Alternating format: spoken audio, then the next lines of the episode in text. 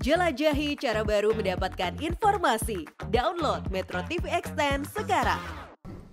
Sebelumnya Presiden Joko Widodo mengatakan peresmian kereta cepat Jakarta-Bandung dipastikan mundur ke bulan September mendatang dari semula yang ditargetkan beroperasi pada 18 Agustus 2023. Meski begitu, Presiden menyebut kehadiran kereta cepat Jakarta-Bandung dibutuhkan karena menjadi satu solusi kemacetan di ibu kota.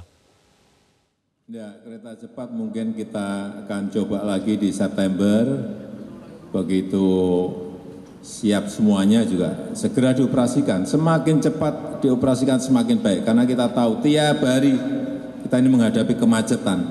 Tiap hari kita juga menghadapi polusi.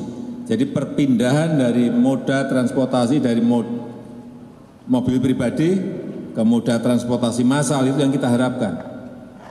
Karena kerugian kita per tahun itu hampir 100 triliun karena kemacetan di Jabodetabek dan di Bandung. Setiap tahun merugikan hampir 100 triliun. Dan ini memang harus diatasi karena secara makro ekonomi merugikan negara besar.